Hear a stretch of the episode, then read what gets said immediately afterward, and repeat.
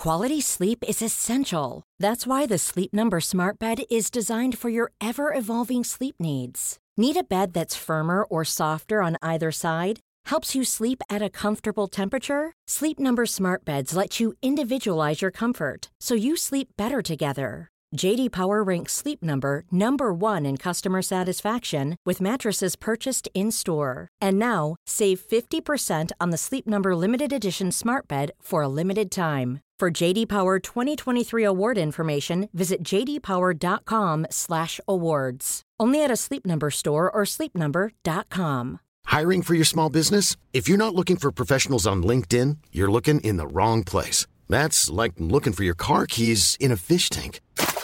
LinkedIn helps you hire professionals you can't find anywhere else, even those who aren't actively searching for a new job but might be open to the perfect role. In a given month, over 70% of LinkedIn users don't even visit other leading job sites. So start looking in the right place. With LinkedIn, you can hire professionals like a professional. Post your free job on linkedin.com slash people today. Hey, I'm Ryan Reynolds. At Mint Mobile, we like to do the opposite of what Big Wireless does. They charge you a lot, we charge you a little. So naturally, when they announced they'd be raising their prices due to inflation, we decided to deflate our prices due to not hating you. That's right. We're cutting the price of Mint Unlimited from $30 a month to just $15 a month. Give it a try at mintmobile.com slash switch. $45 upfront for three months plus taxes and fees. Promo rate for new customers for limited time. Unlimited more than 40 gigabytes per month. Slows. Full terms at mintmobile.com. A lot can happen in three years. Like a chatbot may be your new best friend. But what won't change? Needing health insurance. United Healthcare Tri Term Medical Plans, underwritten by Golden Rule Insurance Company, offer flexible, budget friendly coverage that lasts nearly three years in some states. Learn more at uh1.com. Denna veckan presenteras Market Makers av tradingmäklaren IG.com där du kan handla dygnet runt med flexibel hävstång tack vare deras Turbo 24. Turbo 24 är en marknadsnoterat värdepapper som handlas på en MTF och med dessa kan du handla med de mest populära indexen, råvarorna och valutorna. Och du har förstås möjlighet till att gå både lång och kort. Nu lanserar man även 70 aktier via Turbo 24 och du kommer kunna handla många av de mest populära aktierna som Apple, Tesla och såklart Evolution. Upptäck IGs tradingplattform redan idag och läs mer om de aktier de erbjuder på IG.com. Men kom ihåg att all handel med finansiella instrument är förenat med risk. I'm amazed how many people own stocks. They, they would not be able to tell you why they own. They couldn't say in a minute or less why they own. Actually, you really press them down, they'd say the reason I own this is the sucker's going up. There's enough cash in the financial system, and there's an infinite amount of cash at the Federal Reserve. An infinite amount Put of cash. that check in a money market mutual fund. Then we'll reinvest the earnings into foreign currency accounts with compounding interest, and it's gone. So they had to do something. All they had left was just to print money and start buying things. And that's what they did. Quick buck artists come and go with every bull market, but the steady players make it through the bear market. Say money can't buy happiness. Look at the fucking smile on my face. Hej och välkommen till ett nytt avsnitt av Market Makers. Hur är läget med dig Fabian? Vi börjar närma oss avsnitt 200. Ja, och vi har ju mycket spännande saker planerat inför avsnitt 200. Vi tänker inte säga vad riktigt än, ni får vänta till avsnitt 198-199 någon gång. Så ska vi börja släppa lite på vad som händer. Det blir intressant. Ja, vi får se. Vi, över, vi underskattar ju alltid tiden saker ska ta för oss också, så att vi får se. Det kanske inte hinner till avsnitt 200. 250 kanske. Ja, vi hoppas på det i alla fall. Men du, veckans avsnitt ska vi i alla fall hinna med. Vi kommer prata lite medtech eller biotech eller vad tusan det är för någonting kommer vi gå in på. Ett eh, bolag som har gått som tåget här senaste tiden som kan vara kul att eh, uppmärksamma. Vi ska se om vi kan reda ut det. Vi kommer säkert eh, falla i några fallgropar där. Det är ett svårt ämne. Exakt, vi ska snacka lite biotech och eh, alltid när det kommer till så här, eh, medicinteknik och liknande, även om det är rena teknikbolag men verkar mot medtechsektorn, ja, då får vi alltid skit för det dagen efter på Twitter. Så tycker ni vi gör en dålig analys här, det är bara in och roasta oss, vi är vana, det är kul. Eh, och sen ska vi också prata om något helt annat. Precis, litet play på den här halvledarbristen eh, har vi där också. Som eh, kanske lite sen på den bollen, men jag tror fortfarande att det finns ett enormt behov inom det. Så att, eh, men vi återkommer till det som ett litet andra case där också. Men innan vi hoppar in på det så ska man komma ihåg någonting. Vad är det? Jo, i den här podcasten ger vi ingen rådgivning eller rekommendation. Vi berättar bara om vad vi tittar på just nu, berättar om vår process och hur vi tänker kring caset. Precis. Gör alltid din egna analys och glöm aldrig att investeringar är förknippade med risk.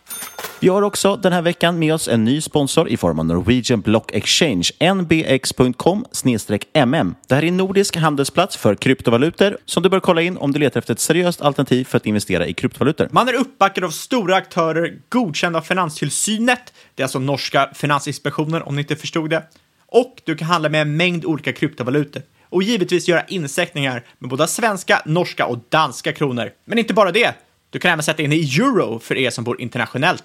Just det, man är den enda nordiska handelsplatsen för krypto som också är fullständigt försäkrade om något skulle hända så du kan tryggt lita på att dina pengar är skyddade. Ja, och man handlar ju både med privatpersoner men också större aktörer och finansiella institutioner. Man grundades faktiskt en gång i tiden som en spin-off från Norwegian Air Shuttle, så det här är backat av stora norska aktörer. För oss vanliga privatinvesterare finns det dock väldigt fina volymer och bra spreadar i alla de kändaste kryptovalutorna, såsom ethereum, bitcoin, cardano med mera. Och du handlar dem som sagt då till väldigt bra priser också. Så letar du efter en bra och trygg plattform för alla kryptovalutor, ja då besöker du nbx.com snedstreck mm, mm som är alltså market makers, nbx.com snedstreck mm. Vi säger stort tack till Norwegian Block Exchange. Nu så då Fabian, nu vill vi höra här. Vi har hört att du har tagit en eh, doktorerat här i någon form av biotech. Kan du gå in lite på det? Ja, exakt. Jag är ju PhD i eh, biotechnology, så jag kan aldrig ha fel inom biotech. Skämt åsido, biotech, det är lite utanför min expertis Eh, det är lite utanför poddens expertis som helhet. Vi brukar ju bara prata om e-handel och sådana enkla grejer. Men det här var ett sjukt spännande case, så tänkte vi kör på. Vad, vad, kan gå fel? Jag har ju doppat tårna i den här sektorn förut också. Det finns ju väldigt mycket spännande bolag, eh, både från, ja, men egentligen från hela Norden här, som är superintressanta. Så man måste nästan våga doppa tårna lite grann i det. Men man kan ta med sig det för att det är lite en annan typ av eh, risk i de här typerna av bolag kanske. Och framförallt så får man eh, ta med sig en stor dos ödmjukhet när man tittar på den här typen av bolag. Ja, idag ska vi prata om bolaget Calliditas. Kalle, som det också kallas. Ja, superintressant bolag, jobbar med att utveckla läkemedel mot njur och leversjukdomar. Framförallt läkemedel Nefecon. Och Nefecon det utgör typ hela caset i det här bolaget just nu. För de står inför en eventuellt marknadsgodkännande redan den 15 september. Det är snart, det är nästa vecka. Och eh, det är faktiskt egentligen så att det kommer komma senast den 15 september. Så har vi ordentligt otur nu så kommer ett eventuellt godkända innan vi hinner släppa podden och då är den här, det här caset, det här analyset helt kört. Men men! Living on the edge. Living on the edge, what you gonna do? Allting är högvärderat nu för tiden så att man måste verkligen djupdyka för att hitta så intressanta saker. Nefecon i alla fall är en patenterad omformulering av kortikosteroiden budenusonid. Fantastiskt uttal, jag vet. Ni kan tacka mig i min privata Twitter-DM.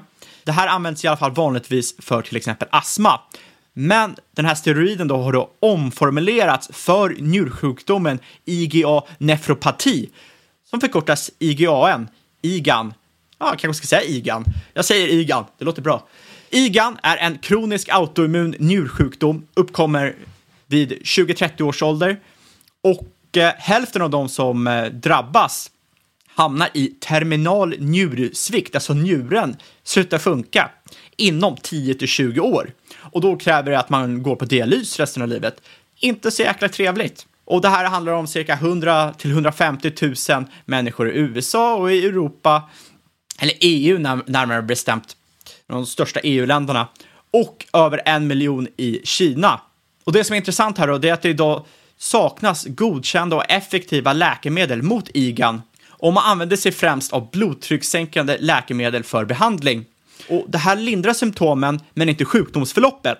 Då är det så att när sjukdomen har avancerat så tenderar man att ge patienten systematiska steroider som, som hjälper lite genom att hämma immunförsvaret, men det kan också leda till allvarliga biverkningar. För enkelt förklarat är IGA, eller IGAN, det är att IGA Antikroppar läcker ut blodet från tunntarmens slemhinna, vilket gör att immunförsvaret attackerar dem. Och det här skapar något som heter immunkomplex, eh, som när det når njuren så förstör det njurens filtrerande funktioner och över tid slutar njuren fungera helt. Och det här är såklart väldigt, väldigt förenklat, men det ger en ungefärlig idé om vad som händer. Och som ni säkert förstår har jag väldigt mycket mer anteckningar framför mig än vad jag brukar ha för ett sånt här avsnitt. Ännu mer kortfattat ska man säga ajabaja, saker händer i immunförsvaret, leder till att njuren pajar. Det är bra sammanfattning tycker jag. Och det är inte bra. Inte bra. Nej, man vill ha en fungerande njure. Nefecon, det är alltså det här läkemedlet mot IgA som Calliditas har tagit fram. Det är optimerat för att frisättas i just nedre tunntarmen. Det är utformat för att reducera bildandet av de här immunkomplexen som kaosar njuren. Och eh, Nefecon kan undvika så kallade systematiska biverkningar då 90 procent av läkemedel elimineras efter en passage genom levern och sönderfaller till exempel inte i magsäcken. Det är alltså väldigt lokalt det här eh, läkemedlet utsöndras så att det påverkar inte resten av kroppen. Det som är bra här då är att Neficon har skydd via särläkemedelsstatus i sju år i USA, tio år i EU samt diverse produktionshemligheter som motverkar framtida generika. Det är alltså att det här läkemedlet är relativt skyddat för bolaget från konkurrenterna. Och eh, Neficon har visat väldigt goda resultat i sin fas 3-studie. Eh, effektiv effektdatan som pres presenterades vid nio månader med Nefecon är tillräckligt god för att vara kliniskt relevant. Dessutom har man haft två oberoende studier eh, och där visade det sig att Nefecon lyckas stoppa försämring av njurfunktioner under eh, studieperioden. Man ser helt enkelt bra resultat på kort sikt och väldigt goda möjligheter till bra resultat på längre sikt. För man behöver nämligen den här uppföljningen två, efter två år för att eh, utvärdera hur det påverkar njurfunktionerna, förbättra njurfunktionen och så vidare. Marknaden, som jag snackade om lite tidigare, hundratusentals till miljoner som drabbas av det här beroende på vilket land man kikar på. Och nefrologerna, alltså läkarna som är involverade med njuren och den här sjukdomen och allt sånt där, de använder ogärna steroider för behandling. Men det finns ju brist på alternativ som förlänger tiden till njursvikt. Enligt nefrologerna så är det viktigaste egenskapen för nya läkemedel att man ska kunna stabilisera njurfunktionen och förlänga tiden till dialys. Och eh, ja, det finns helt enkelt behov för nya läkemedel och då är Nefecon en väldigt lovande kandidat just nu. Och går det här igenom kommer kommersialiseringen vara väldigt, väldigt viktig. Det finns en stor korrelation mellan första året på marknaden och den fortsatta kommersiella framgången. Och det här är inte så konstigt. Man etablerar sitt varumärke som läkemedel, man gör det svårare för konkurrenterna att klämma sig in. Det är egentligen inte så stor skillnad mot eh, liksom tech, techbolag. Det, det, det, det, finns en otrolig fördel med att bygga sitt brand. Och kommersialiseringen kommer i så fall ske med egen försäljningsstyrka i USA och i Europa och Kina så kör man en partnerstrategi och outsourcar försäljningen. Och eh, om man då blir godkänd här den 15 september är det inte orimligt att eh, anta att man kommer se försäljningen växa med cirka 100-150 miljoner dollar i USA om året, cirka 50 miljoner eh, amerikanska dollar i Europa om året och cirka 20-40 miljoner eh, amerikanska dollar i Kina om året. Och vi lär även se en ytterligare acceleration under 2023 för då kommer man se om Nef eh, Nefecon ger en signifikant förbättring i njurfunktionen kontra placebogrupper efter den här tvåårsperioden som var så oerhört viktigt. Det här är också en otroligt viktig trigger för bolaget och viktigt för framtiden för Calliditas. Men det är egentligen en separat del av caset från det som händer den 15 september. Men det är ändå bra att ha koll på. Det finns några konkurrenter till Nefecon. Du har Travere Therapeutics, Omeros Corporation, Novartis. Det är några som jobbar här med läkemedel mot samma sjukdom. Men dels så ligger de flera år efter utvecklingen och då har ju Nefecon väldigt stor möjlighet att komma in som första läkemedel, etablera sig hos nefrologerna och då krävs ju det att nya läkemedel har en, ja, en väldigt förbättrad effekt för att de ska kunna slå ut en etablerad aktör som eventuellt då Nefecon kommer hinna bli. Och det ska också påpekas då för andra att Eh, många andra aktörer håller på att jobba med att behandla senare delen av sjukdomen, medan Nefecon jobbar med att behandla ursprunget till sjukdomen. Då kan man ju bara tänka sig att det lär ju finnas även om de lyckas slå sig in de här konkurrenterna eller olika konkurrenter, så lär det ändå finnas en marknad för flera läkemedel med olika typer av verkningsmekanismer som fungerar på olika sätt, eh, liksom stoppar olika delar av sjukdomen. Sen har Candiditas även ett läkemedel som heter Setanaxib. Ja, ni förstår säkert. Det är en så kallad NOx-hämmare. Det hämmar och lindrar sjukdomar från enzymer som producerar reaktiva syreradikaler. Och det här kan till exempel vara neurodegenerativa sjukdomar, hjärt och kärlsjukdomar och till och med cancer. Det här läkemedlet är fortfarande i fas 1. Jag tycker inte att det är befogat att gå in på det just nu i och med att Nefecon ligger så nära ett marknadsgodkännare, står för liksom egentligen hela caset just nu. Fa- Fas 1 får väl ändå anses vara väldigt, väldigt långt ifrån kommersialisering. Ja, utan tvekan, utan tvekan. Så ses väl snarare kanske som någon form av option då. Exakt, men det är bra att hålla koll på liksom. En stor risk här för det här bolaget är såklart att man inte får godkänna den 15 i USA. Och eh, i så fall är det inte så troligt att man ser en ganska rejäl drawdown, 30, 40, ja kanske till och med 50 procent. Och eh, sen har man ju också den överhängande risken att godkännandet dras tillbaka om eh, Nefecon inte förbättrar njurfunktionen på längre sikt. Man har visat då nio månader, men som sagt, man behöver uppvisa statistiskt signifikanta resultat på, eh, för 24 månader. Sen såklart finns det alltid den här kommersiella risken. Det känner ni till, det finns ju för alla jäkla bolag. Men det är helt enkelt att man inte lyckas sälja in produkten till kund. Och nu tänker ni, shit, det här låter ju skitläskigt. Jag kommer ju förlora alla mina pengar. Vad fan håller du på med Fabian?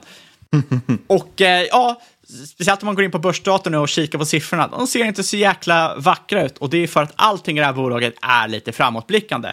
Det, allting hänger nu här på att det går igenom den 15 september.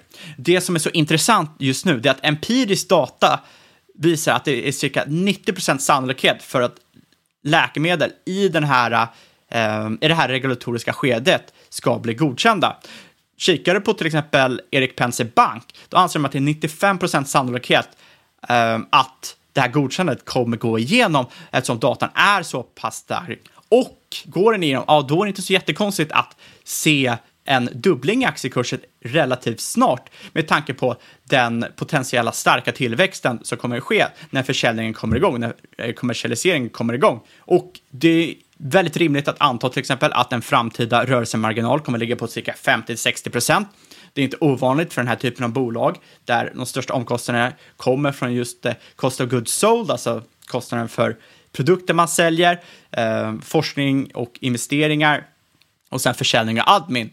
Så att eh, när man väl har liksom, utvecklat den här produkten, får ut den på marknaden, det är inte så mycket, ja det är inte ett mjukvarubolag, men det är faktiskt rätt schyssta marginaler man kan få till här. I slutet av Q2 hade man en kassa på över 700 miljoner SEK plus strax över 300 miljoner SEK som man tog in i nyemission, det är över en miljard. Man har även 20 miljoner euro man har fått i förskottsbetalning från en av de här eh, partnerserna i Europa som ska sälja produkten. Väldigt intressant. Det pekar också lite på vad man tror godkännandet kommer röra sig någonstans. Och dessutom har man redan ett låneavtal på 75 miljoner dollar i tre trancher från Kreos Kapital. Och vad vill jag ha sagt med det här? Jo, det är relativt hög sannolikhet att Caleditas har tillräckligt med cash för att nå kassaflödespositivitet om de får igenom då den här, det här marknadsgodkännandet. För bruttopriset på Nefecon lär ligga eh, någonstans runt 50-60 000 i USA, 30 000 i Europa och 15 000 i Kina. Det här anses av många vara konservativa estimat. Priset kan hamna högre i samtliga eh, länder, men ungefär där det kommer ligga om man vill ha en lite konservativ syn. Dessutom ska man ha med sig att prisökningen eh, på några procent sker varje år. Så då några estimat här då. För EV Sales 21 så får man igenom det här så är det inte konstigt att man skulle hamna någonstans runt 20, alltså EVS 20 för 2021. För 2022, ja, då kanske man kommer ner runt 5 om man kan ha den här, eh, om man lyckas med kommersialiseringen. Och för 2023, ja, då hamnar man på EVS 2. Det blir lite svårt här när de är, det kommer från en så låg nivå. Men för 2020 hade man en försäljning på cirka 1 miljon kronor. Får man igenom då godkännandet den 15 september förväntas man ha en försäljning på cirka 250 miljoner 2021, strax under 1 miljard 2022 och eh, cirka 2,5 miljarder 2023 och troligt ebit positiv 2023. Så ett väldigt spännande case just nu eh, som känns som att det finns en relativt hög uppsida. Såklart är det ju relativt hög risk. Ja, man får ju räkna med att eh, vissa bolag, när de har haft ett enda enkla preparat, här finns det egentligen två som är intressanta, men eh, det liksom hänger ju jättemycket på den Nefecon. Och eh, skulle man få nega liksom ett negativt besked, eh, ja, då kan man ju nä nästan räkna med att man liksom kommer bli av med alla sina pengar. Det, det, är lika bra att tänka så i alla fall. Det är det man har som risk här. Så att man går ju inte all in direkt i, i den här typen av bolag. Nej, a, a, a, absolut. Jag skulle aldrig gå all in i så här. På. Jag, jag är med på ett litet hörn, men för mig, speciellt jag som inte är så jäkla bevandrad inom biotech, en jäkla, så tycker jag ändå att oddsen ser rätt rimliga ut om eh, liksom, man kollar på historisk data, där de ligger i skedet ungefär 90% sannolikhet. Enligt vissa analytiker är det ännu högre, 95 och med relativt konservativa beräkningar så är det en relativt upp, stor uppsida. Med det sagt så ska man säga att köper du innan godkännandet så är det ju ett högriskcase. För folk som inte har den liksom, tålamodet för den typen av risk så kanske det är bättre då att vänta tills de har fått ett godkännande. För då är liksom då blir det mycket klarare hur framtiden ser ut för bolaget. Nej, men någon man verkligen ska följa på Twitter om man är intresserad av bolaget, det är ju experten88. Eh, hon jobbar ju dels inom branschen och hon är själv väldigt insatt i just eh, kalltext också. Sen får man ju själv då bedöma hur, hur mycket erfarenhet hon har, men, men min bild är att hon har väldigt bra koll på det här. Eh, hon lyfter ju upp ett antal aspekter också som är intressanta för bolaget. Man har en lyckad fas 2B-studie, man har lyckad fas 3, alla endpoints uppfyllda på den. Eh, man har en mängd saker, till exempel att det är en priority review review från FDA man fått. Eh, och man har flera gånger på vägen kortat ner liksom, Nefecons väg till marknaden. Så det känns ju som att man nästan vill att det här ska liksom, godkännas och komma igenom för att det verkar vara ett väldigt bra liksom, preparat. Så att, eh, man kan, man kan se det som att det ser väldigt ljust ut, men med det sagt, som sagt, så ja, ta det för vad det är. Om, om, om man går all in i det här nu och förlorar alla sina pengar så kan man inte skylla på oss. Liksom. eh, det, det, är inte det som man ska göra, men, men det är mycket som pekar mot att det är positivt. Men sen kan det vara, det har hänt många gånger i andra bolag att det har liksom fallit på mållinjen och så skitit sig totalt. Och då är det inte kul att sitta med, med allt för mycket en, aktier. En, en, en annan snubbe, eh, nu sa du du en snubbinna, men en eh, snubbe man kan följa på Twitter också, att Svensson Ludvig. Han är eh, biotech analyst på Erik Penser Bank. Tror jag står bakom analysen som Erik Penser Bank släppte för någon eller några veckor sedan. Så att vill ni veta mer om bolaget så absolut gå in och kika där av någon som har mer på fötterna än vad man själv har. Uh, I alla fall bättre bakgrunder. Ja, men intressant, eh, intressant bolag i alla fall och kul när det finns en trigger i så pass eh, nära i tid. Liksom. Ja, eh, och du är, verkar äga lite aktier som du sa också, en liten ja, jag, post i alla fall. Jag, jag, exakt, jag äger lite post. Jag tyckte det var jätteintressant. Eh, jag tycker ett case som så här, det, det är rätt svårt i liksom, tal att förmedla när det kommer liksom, till olika typer av sannolikhetsnivåer och så. Det är jäkligt nice när man kan dra upp det i en matris framför sig, för då ser du liksom rätt tydligt vad potentialen i det här bolaget är. Sammanfattningsvis tänkte jag bara säga att, eh, eller jag tänkte bara sammanfatta det här caset lite snabbt som man brukar göra. Det här handlar alltså om det första godkända, potentiellt godkända läkemedel för den sällsynta njursjukdomen IgA nefropati. Man har gott kliniskt underlag, eh, man använder sig, eller utgår från en välkänd aktiv substans och man har alltså en väldigt solid bas för att eventuellt kunna få ett godkännande nu den eh, eh 15 september. Vid ett godkännande finns det en troligtvis en relativt stor uppsida, finns en relativt stor addressable market, eh, väldigt stor trolighet att nefrologer kommer ansluta sig och vilja plocka in den här eh, typen av läkemedel och framförallt kostar det rätt mycket och det betyder eh, högt kassaflöde. Men om då de här eh, 10-5 procenten 5-10 procenten infinner sig och det inte godkänns, ja, då får man ju förbereda sig på en smaskig drawdown på 30, 40, 30, 50 procent. Kanske 85 procent, vem vet? Ja, jag, jag, jag har svårt, svårt att så en sån stadig nedgång, eftersom de, de, de ändå har, får de inte godkänt nu, som sagt, kommer de troligen få det om ett litet tag. Ja, det är antagligen bara en försening då kanske som, som sker. Det är någonting fel med provresultaten. Så, så, de måste se över, kanske för många som hoppat av det så här. Ja, nej, intressant bolag. Jag äger inga aktier, men eh, man blir lite sugen faktiskt nu när jag visste inte att datumet låg så tätt inpå. Jag har läst en del om bolaget, men inte visste att datumet låg så tätt inpå. Nu blir man ju lite sug på att eh, FDA spekar på det här bolaget. Exakt, det är men vi får gör. se, jag har inga aktier i dagsläget. Men då ska vi snabbt hoppa över till någonting helt annat, nämligen ett litet annat spek. Ett spek på eh, halvledarbristen som det så fint heter. Eller det man också skulle kunna hävda är att det är ett sätt att investera i liksom, infrastrukturen eller oljan för den digitala tidsåldern jag såg, ett, eh, såg en tråd där det här bolaget omnämndes som the most important company you've never heard of. Alltså det viktigaste företaget som du aldrig talas om. Och det är bolaget ASML som eh, från början var en eh, akronym för Advanced Semiconductor Materials Lithography. Men idag säger de faktiskt själva att det är inte längre en akronym utan det är bara ett namn. Lite märkligt när det då finns Som ett... eh, KFC ungefär. Det står ju inte längre för Kentucky Fried Chicken, det står bara för KFC. Ja, det är märkligt det där. I alla fall, det de gör då, de skapar egentligen maskinerna som sen skapar halvledarna, eller liksom chippen som byggs med halvledare. Eh, så det är helt enkelt de typer av maskiner eller produktionsenheter man behöver för att kunna bygga all typ av elektronik vi har idag. Eh, halvledare kan man väl väldigt förenklat säga, det är ju egentligen den typen av komponenter, den typen av ja, fysik som krävs för att våra till exempel telefoner som ska funka. Utan halvledare har vi inga transistorer, utan transistorer har vi inga grafikkort, bilar, eh, eller moderna bilar i alla fall med datorer. Allting som bygger upp egentligen den digitala liksom, världen vi lever i idag kräver någon form av transistorer. Innan hade man ju bara rörkretsar och det var, hade inte fått plats kanske i en telefon och blivit framförallt otroligt mycket varmare att hålla i den där telefonen. Så att transistorer är liksom en del, vi måste ha transistorer idag och för att bygga transistorer behöver man halvledare. Eh, och eh, ASML då egentligen, de har ju, är ju marknadsledare, nästan en monopolställning på att bygga de här då maskinerna som i sin tur då bygger eh, halvledare. Så man kan säga att de skriver ut inom citationstecken små kretsar på kretskort. Eh, varje sån här maskin kostar runt en och en halv miljard att köpa in. Eh, och man tillverkar ungefär bara ja, men runt 50 stycken per år. Så att det är en ganska liten liksom, produktion på det sättet. Eh, man har som sagt en närmast monopol på marknaden. Man har över 90 procents marknadsandel. Eh, och som det ser ut så e- ökar efterfrågan just nu exponentiellt eftersom mer elektronik behövs i världen hela tiden.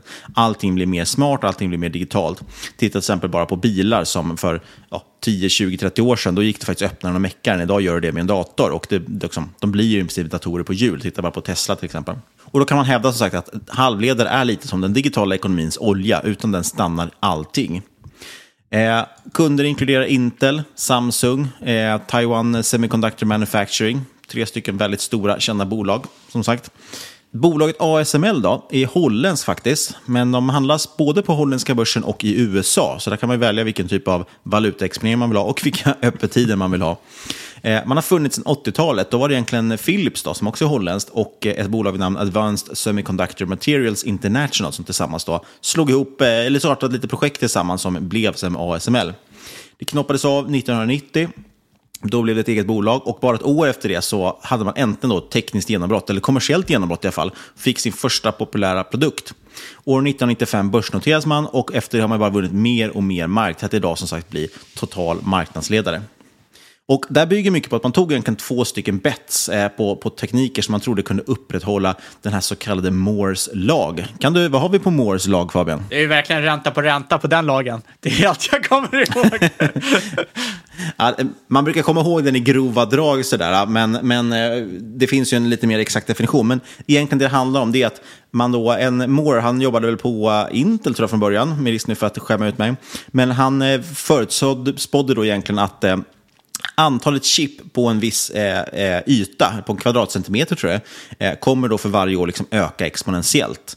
Poängen är helt enkelt att antalet chip de, de krymper i storlek exponentiellt. Eh, nu är vi nere på nanometerstorlekar på chipsen, eh, på chippen. Därav att grafikkort och sånt hela tiden blir snabbare och processorer blir snabbare. För att det helt enkelt är mer och mer kretsar på varje Exakt. kort. Och det, Det- viktiga som ju- sagt att det sker exponentiellt. Exakt, det är alltså att mängden eh, transistorer på ett chip dubblas var, vartannat år. Precis, och då växer det exponentiellt. Så att, Eh, Och det, det är som det här, eh, du vet, som man fick eh, lära sig i matte 1 eller matte A eller vad det hette när lyssnarna gick på gymnasiet, eller kanske var i 8 eller 9 man lär sig. Man lägger ett riskorn på ett, eh, på ett schackbräde och så dubblar man riskornet för varje schackbräde. Exakt så. Då har man mer än alla riskorn i världen ju, när man är på sista Exakt. rutan. Ja. Ja, det var bra att du utbildade lyssnarna i det. De har nog känner inte till det konceptet tidigare, eftersom man, det är inte som man matas med ränta på ränta-memes liksom hela dagarna. Tack Fabian. Eh, vi återgår till programmet. Det är helt enkelt så att det krävs mer och mer halvledare varje dag. Det är väl det vi kan säga är kontentan med det här. Och eh, man behöver egentligen då hela tiden satsa förstås väldigt mycket på research och utveckling för att då hitta nya tekniker för att det ska funka. För att ett problem man såg med Moores lag, att okay, men om det här ska upprätthållas, då kommer vi till slut komma ner till nivåer där chippen är så pass små att det rent fysiskt är omöjligt att bygga dem. Alltså de kommer ju inte få plats. Eh, men trots att man liksom visste det sedan länge så har det hela tiden kommit nya tekniker som gjort att jo, det har faktiskt gått att göra det här mindre och mindre och mindre. Och ASML då, de har ju satsat enorma pengar på det här. De stoppade bland annat in, de gjorde två stora bets liksom, som har gått väldigt bra. Eh, och ett av de här då, det var att man stoppade in över 5 miljarder dollar i ett researchprojekt kring någonting som heter EUV. Det bygger på en teknik kring ultraviolett ljus, det är det UV står för. Jag tänker inte ge mig in på att försöka förklara hur det här funkar, för det är ganska ointressant och eh, väldigt, väldigt komplext förstås. Men man använder ultraviolett ljus på något sätt, uppe tror jag, i, i röntgenstrålningsspektrat, för att då kunna skapa de här halvledarna och, och sätta dem på rätt ställe. Och man fick ju rätt med den här tekniken. Eh, den har funkat helt enkelt och idag är den liksom den som är världsledare och man tjänar grova pengar på det. Eh, man behövde dessutom bygga om alla maskinparker nu när man hade den här tekniken. Så att, eh, man fick då sälja helt enkelt väldigt mycket nya maskiner och alla behöver ha de här maskinerna idag. Den här tekniken var till och med så viktig att just Intel, Samsung och Taiwan Semiconductor Manufacturing, som jag pratade om tidigare, gick in och köpte 23 procent av ASML. Eh, idag har de tyvärr sålt en del av den där steken, men som sagt, de gick in och investerade för att de tyckte det var så pass intressant. Ska man prata lite om Motes då? Ja, de lägger enorma mängder på research and development för att hela tiden komma på nya tekniker och bygga vidare på maskinerna. Eh, man har en monopolställning nästan idag. Och varför är det inte någon annan som bara bygger de här? Varför byggs de inte i Asien istället för Holland eh, och görs där istället? Jo, men det är helt enkelt ett enormt komplext bygge. Eh, lite som när man bygger flygplan så handlar det om att koordinera tusentals underleverantörer till de alla olika delarna och teknikerna. Eh, varje maskin är dessutom mer eller mindre custom built. Man har ett antal olika variabler som man kan ändra på i varje maskin så de blir nästan helt eh, liksom customized. Och när maskinen dessutom är klar, ja, då ska den ju fraktas ut till kund, vilket är ett projekt i sig, för varje maskin väger runt 180 ton. Så det måste plockas isär, delas och levereras då i 40 containrar. Eh, när man skickar dem till Asien, där de flesta säljs, ja, då krävs det 20 lastbilar och tre Boeing 747 för att ens lyckas transportera ner maskinerna. Det är liksom ingen liten grej man har på bygge och det är ingen, ingen enkel grej heller. Och man har väldigt mycket patent om de saker som då skyddar den tekniken. För kunden som vill ha en sån här maskin, vilket alla vill ha, för alla måste bygga chip. Idag dessutom börjar ju många bygga egna chip. Apple gör sina egna chip. De gav ju, la ju upp, äh, sa ju upp avtalet med Intel och skulle bygga egna chip. Tesla bygger egna chip. Det är en av anledningarna till att Tesla är en av få som har drabbats av de här hårdvarubristerna eftersom de bygger Jag har ju faktiskt den nya äh, Apple...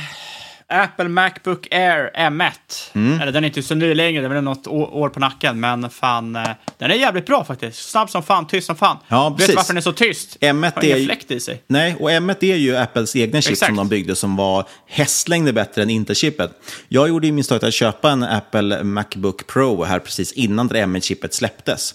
Eh, så att hade jag liksom väntat några månader, jag hade kunnat lägga halva pengen och köpt en Air istället som hade varit dubbelt så snabb och eh, hälften så energieffektiv liksom, effektiv och så vidare. Eller vad säger man? Hälften så energi, ja den drog hälften så mycket energi och fläktlös. Jo, ska man då som kund, låt säga Tesla, då, köpa in en sån här maskin, ja då får man slanta upp runt en miljard dollar eh, om man då tar hänsyn till alla kostnader, installation, maintenance och så vidare. Och det här är faktiskt en bra intäktskälla för ASML. Eh, det här med att man måste hela tiden serva den och fixa den och greja med maskinen. Man måste till och med, som jag har förstått det, när man gör installation i alla fall, tror kanske till och med en viss del av driften, då måste man ha ASML-personal på plats som hjälper en, eller tekniker där. Överlag säger man att först har du liksom en enorm investeringskostnad för att köpa den här grejen, frakta dit den och så vidare. Men sen kommer du behöva lägga 50% extra utöver liksom inköpspriset, bara på service, underhåll och så vidare eh, under livstid, liksom produktens livstid. Eh, och det här, servicen och allting, det är det man har väldigt hög marginal på också. Så det här är en jätteintressant produkt. Och då kan ju del försöka spinna här till att det blir någon form av SaaS-produkt. Semiconductors as a service kanske. Eh, riktigt så inte, men det blir ändå så att serviceavtal och så vidare är jätteviktiga som för många företag och det är en högmarginalsprodukt. Svårt förstås att bedöma hur länge de kommer upprätthålla den här typen av status och exklusivitet. Eh, det kan ju vara så att det kanske kommer någon revolutionerande tek- teknik imorgon för att göra det här ännu bättre. Men med en stor chans så är det ju ASML som liksom har den tekniken för att det är de som tjänar mest pengar på det här och har mest pengar då att stoppa in i R&D. Det ska också tilläggas att de har varit liksom världsledande väldigt länge eh, och varit liksom framgångsrika, lönsamma och växt hela tiden under många, många år. Det som ska verkligen göra det här intressant det är ju att vi har den här enorma halvledarbristen just nu. Eh, Det är helt enkelt så att det saknas halvledare så fler måste tillverka, alltså, in, alltså investeras det enormt mycket i fabriker för det här nu och då köper man in ASMLs maskiner. Eh, dessutom, jag menar, det som händer nu i och med covid och delvis handelskrig mellan USA och Kina, det är att många också flyttar hem produktionen. Så fler och fler bygger också nu maskiner i västvärlden. Eh, USA till exempel satsar miljard, eh, miljarder med dollar på att bygga eh, halvledarfabriker. Och då är det ASMLs maskiner man måste köpa eh, med största sannolikhet. Marknaden har förstås tagit fasta på det här. Det är inte som så att eh, jag är den första som har kommit på den här tanken. Aktien är upp närmare 80% i år. Men jag tycker ändå det här är ganska intressant. Tittar man på rullande 12, alltså de senaste 12 månaderna, eller senaste fyra kvartalen om man säger så, eh, det vill säga historiska siffror, då handlas aktien till PEG 1 ungefär. Det vill säga vinsttillväxten är i paritet med P-talet som ligger på 60, så man växte alltså med 60 procent senaste året. Tar man NTM som det ser ut, alltså Next 12 Months, och tittar lite framåt, så ser det ju antagligen ännu aptitligare ut. Idag som sagt PE 60, EV ebit 50 ungefär. Men Eh, tar vi bara till exempel H1 2021, alltså första halvåret nu, eh, och tar det gånger två, ja då har vi mer än dubblerat vinsten från förra året. Då skulle P-talet kanske snarare hamna någonstans kring 25, eh, vilket är rätt intressant, och PEG-talet betydligt bättre. Eh, man är liksom brutalt lönsam. Man har 50% bruttomarginal, 30% vinstmarginal och majoriteten av vinsten blir också kassaflöde. Det är riktiga pengar in i bolaget. Och Det här tycker jag är rätt intressant för att man skulle kunna tänka sig att den typen av hårdvara är väldigt, liksom, har lövtunna marginaler. Men man har en så pass intressant ställning att man kan ta och betala för produkterna. Folk är villiga att betala bra för det för att de vet att de kommer tjäna ännu mer i nästa led. Folk slåss nu också om att få de här produkterna. Kom ihåg att det tillverkas bara ungefär 50 stycken om året och alla just nu vill bygga halvledarfabriker. Så det är liksom en riktigt stabil business som genererar enorma mängder pengar. Man har en ganska fin liksom, omsättningstillväxt ganska många år tillbaks. Eh, man har snittat ROIC, alltså return on invested capital, runt 18-20% ett antal år. Just nu är man coronadopade och ligger liksom högre än det här, men det tror jag kommer pågå ett bra tag. Just nu ligger ROIC närmare 40%. Och men som sagt, jag tror att det kommer pågå åtminstone något år till. Halvledarbristen pratar man om kommer påverkas samhället länge. Så ett intressant bolag i en extremt dominerande ställning med en produkt som som sagt beskrivs som oljan för den digitala ekonomin. Eh, jag tycker det här är ett lite intressant case. Jag har faktiskt eh, till och med gått in och köpt lite aktier i det här bolaget också. Eh, och då kan man välja om man handlar på holländska eller amerikanska. Jag har faktiskt tagit på amerikanska mest för att jag tycker att det är lite kul att få Billigare courtage kan jag tänka mig också. Jag, jag, ty jag, tycker det här är jätteintressant. Det är ju lite liknande eh, TSMC som i, i och för sig inte gör komponenterna till halvledare utan gör faktiska halvledare. Men de här bolagen har ju en oerhörd moat, för det kostar ju otroligt mycket att smälla upp sånt här. Och jag menar, även fast eh, Apple tillverkar egna chip så betyder inte det att andra inte kommer behöva se egna chip. Det är inte så att de kommer kunna, folk kommer komma och köpa Apples chip. Så den här typen av bolag, oavsett om de tillverkar grejerna till halvledarna eller halvledarna själva, tycker jag verkar, verkar, verkar otroligt, otroligt intressanta nu. Som du säger, för den digitala guldåldern, det är ju verkligen vår tids olja som eh, Eh, som du sa så fint. Jag Kan nämna bara för, för lyssnarna, TSMC det är alltså Taiwan Semiconductor Manufacturing Company som jag nämnde tidigare. Det är också ett börsnoterat bolag, det är noterat på Nasdaq under ticken TSM. Eh, och det är som säger en av världens största halvledartillverkare liksom, som bygger sådana typer av kretskort och sånt. Eh, och de köper de här maskinerna och till och med har investerat i ASML. Så att, eh, nej, ASML tycker jag faktiskt är ett jätteintressant bolag som jag trodde skulle ha betydligt sämre marginaler och eh, eventuellt vara väldigt fullvärderat. Men jag tycker faktiskt att det finns, eh, finns ändå lite utrymme här för för att det kan fortsätta stiga uppåt. Jag tror inte man kommer se någon enorm multipelexpansion, men däremot växer bolaget kraftigt och det tror jag att man kommer kunna få ta del av.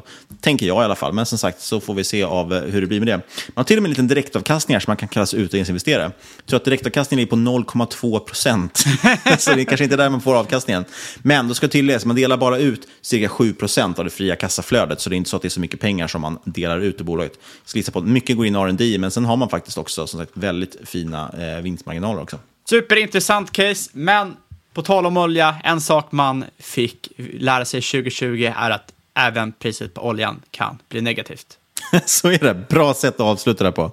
Så har vi fått in riskaspekten också. Ja, och vi har ju som sagt redan deklarerat lite innehav. Jag äger lite grann i ASML, du äger lite grann i Caraditas.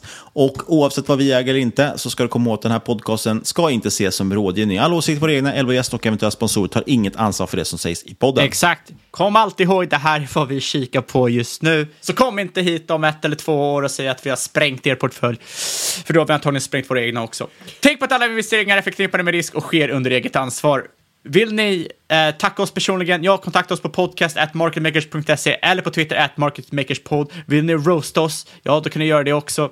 Ja, och apropå vårt Twitterkonto, där, Market Makers podd. Jag har ju faktiskt öppnat upp vår DM. Jag insåg att den var stängd på kontot. Så nu kan faktiskt vem som helst skriva till Åh, Twitterkontot. Lite risky att säga det här så här öppet i podden. Men vi får se. Det har, jag ser att det redan har börjat trilla in en hel del meddelanden. Och vi försöker svara på allting. Eh, vi får framförallt mycket aktietips, som det så fint heter. Titta på det här bolaget. Om ni skickar sånt, då får ni faktiskt också bemöda er med att kanske skriva någon liten hisspitch eller något så vi vet varför vi ska kolla på det. Ni får, måste förstå att vi får in rätt mycket sådana förslag på folk som vet att vi ska lyfta just deras bolag. Eh, men då får ni faktiskt försöka sälja in det grann lite grann jag kan säga också. så här, ju mer ni swishar, desto mer högre sannolikhet att vi kommer ta upp det i podden. Det är också en metod. Eh, och eh, Vi ska också påminna om veckans fantastiska sponsorer. Dels kolla in IG.com och ladda ner IG-appen om du vill ha en seriös och bra tradingmäklare för både CFD och nu deras Turbo 24 där du kan handla index, råvaror, valutor och så vidare och numera till och med aktier. Sen nbx.com mm om du vill investera och handla kryptovalutor från en seriös nordisk aktör som faktiskt är uppbackad av stora, stora finansiella aktörer och har bra volymer. Och sist men absolut inte minst, stort tack för att du har lyssnat, kära lyssnare. Vi hörs igen om en vecka.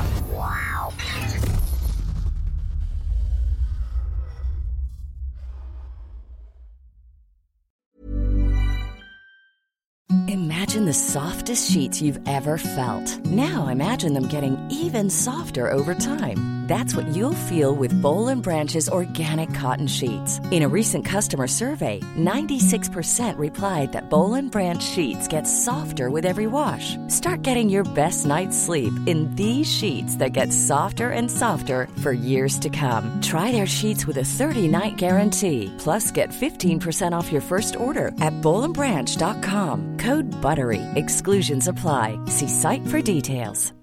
Hi, I'm Daniel, founder of Pretty Litter. Cats and cat owners deserve better than any old fashioned litter. That's why I teamed up with scientists and veterinarians to create Pretty Litter. Its innovative crystal formula has superior odor control and weighs up to 80% less than clay litter. Pretty Litter even monitors health by changing colors to help detect early signs of potential illness. It's the world's smartest kitty litter. Go to prettylitter.com and use code ACAST for 20% off your first order and a free cat toy. Terms and conditions apply. See site for details.